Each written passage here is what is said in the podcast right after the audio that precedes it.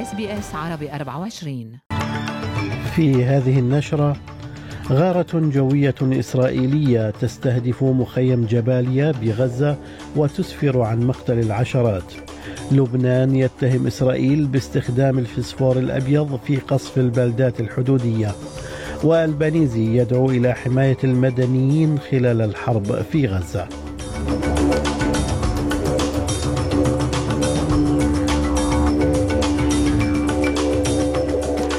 سليم الفهد يحييكم وعليكم التفاصيل.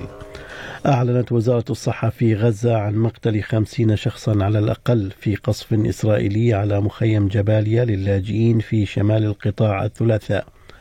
وقالت الوزارة في بيان لها أن القصف خلف أيضا نحو 150 جريحا والعشرات تحت الأنقاض وأن الحصيلة مرشحة للارتفاع.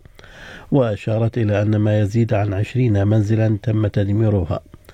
من جانبه أكد الجيش الإسرائيلي أنه شن غارة جوية على مخيم جباليا في قطاع غزة مشيرا إلى أن العملية أدت إلى مقتل القيادي في حماس إبراهيم بياري.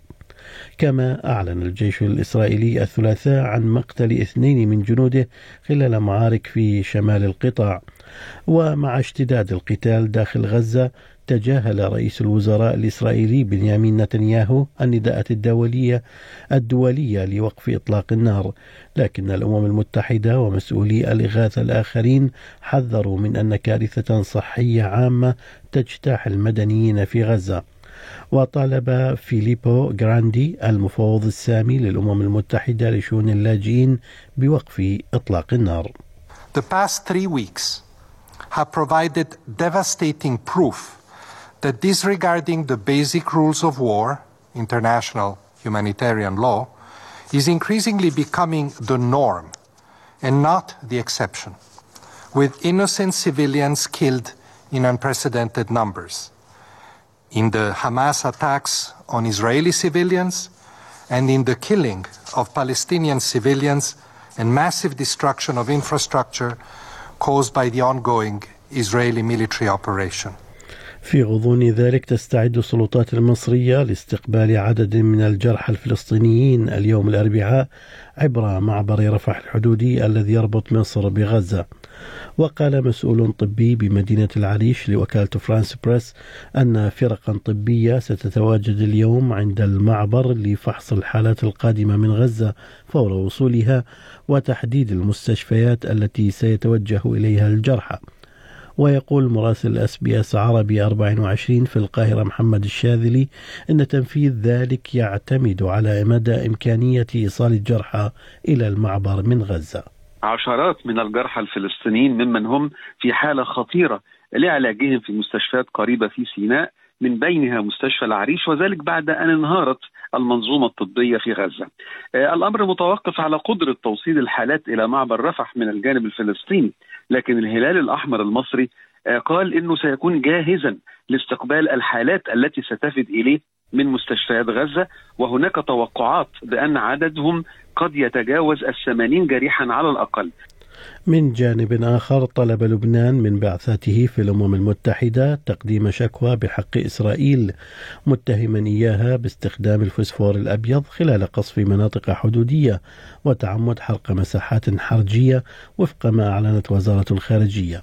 وجاءت الخطوة اللبنانية بعد اتهام منظمة العفو الدولية إسرائيل باستخدام الفسفور الأبيض في قصف بلدات حدودية مما أوقع إصابات.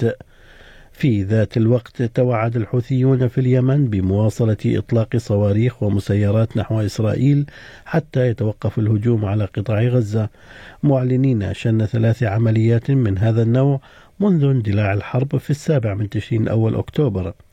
وقال رئيس حكومة الحوثيين عبد العزيز بن حبتور إن هذه المسيرات يمنية وأنهم سيستمرون في ذلك. هذه المسيرات تابعة للجمهورية اليمنية. وعاصمتها صنعاء. وفخامة الرئيس مهدي المشاط قد وجه القوى العسكرية بكل أطرافها بإسهامنا المباشر وغير المباشر. أما هنا في أستراليا فقد قال رئيس الوزراء أنطوني ألبانيزي إنه لا يزال يشعر بالقلق بشأن المواطنين الأستراليين العالقين في غزة داعيا السلطات إلى فتح نقاط الخروج حتى يتمكن المواطنون الأجانب من مغادرة غزة. كما كرر رئيس الوزراء دعوة الحكومة للأستراليين إلى مغادرة لبنان في أسرع وقت ممكن. We have said for Australians in Lebanon, uh, we have said that people should leave uh, whilst commercial uh, planes are available. Uh, people should take advantage of that. Uh, there is concern about uh, what is what is happening in the region, and we remain concerned about the Australians in Gaza. We are working as closely as we can to urge the opening up of exit points, including Rafah. كما دعا البانيزي إلى حماية المدنيين على جانبي الصراع خلال الحرب في غزة.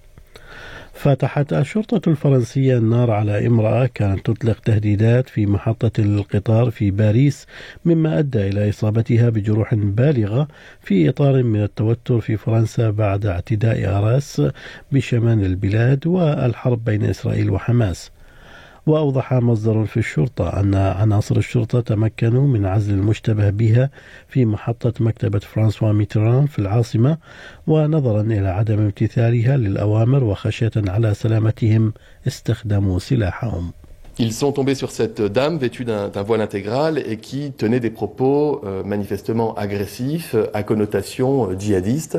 Police found this woman who was wearing a full body veil and was uttering aggressive jihadist comments. They pulled the woman aside and first asked her to calm down, but also to show her hands to show they presented no particular danger. What happened then was that law enforcement officers had no option but to open fire on this woman, given the danger of the situation.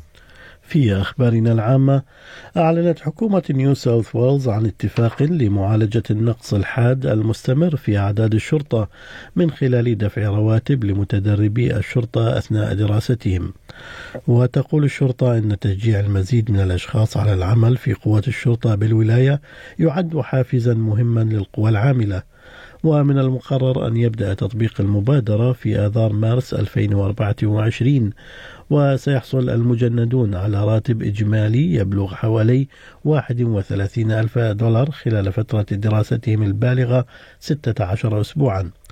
وقال رئيس حكومة الولاية كريس مينز إنه يأمل أن يؤدي الحافز إلى زيادة عدد أفراد الشرطة في الولاية. We're falling behind and we're not recruiting enough to keep pace with those that are resigning and retiring from the New South Wales Police Force. We've got to turn it around. So, this payment to those studying to become a police officer in New South Wales, we firmly believe and hope will encourage some people to make that commitment. أدت الحرائق في كوينزلاند إلى تدمير المزيد من المنازل فيما صدرت أوامر بالإخلال للسكان وسط ظروف حرائق الغابات الشديدة وما زال أكثر من سبعين حريقا تشتعل في جميع أنحاء الولاية في وقت يستعد فيه رجال الإطفاء لظروف خطيرة للغاية. وأدى حريق ويسترن داونز الذي أحرق عشرين ألف هكتار في عشرة أيام إلى مقتل شخص واحد كما أجبر المئات على الإخلاء. وقال نائب مفوض خدمة الإطفاء والطوارئ في كوينزلاند مايك وازن لقناة أي بي سي الإخبارية أن رجال الإطفاء يواجهون ظروفا قاسية. Our firefighters, are, whilst they're battle hardened, uh, it is very difficult for them. Really testing conditions. They've been at this for uh, not just weeks, but they've been at this for months now. So this is absolutely a marathon. We continue to support them with crews from right around Queensland. And uh, in fact, today and into tomorrow, we've also now got interstate crews coming from Victoria to help, both in incident management and on the fire ground. Um, but it is very hot very dry and really tough work, but they, uh, as they always do, continue to step up. They're absolutely amazing.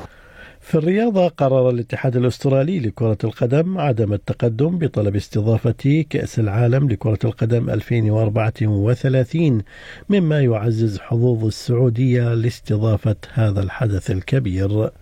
في أسعار العملات بلغ سعر صرف الدولار الأسترالي 64 سنتا أمريكيا أما حالة الطقس المتوقعة لهذا اليوم ففي بيرث مشمس أقصى درجات الحرارة 30 أدليد مشمس إجمالا 23 ملبن غائم 17 هوبرت غائم جزئيا 21 كامبرا وسيدني غائم جزئيا لكل منهما 21 درجة بريسبن غائم جزئيا 27 وأخيرا داروين مشمس إجمالا 37 درجة. كانت هذه نشرة الأخبار قرأها على حضراتكم سليم الفهد من أس بي أس عربي 24 شكرا لإصغائكم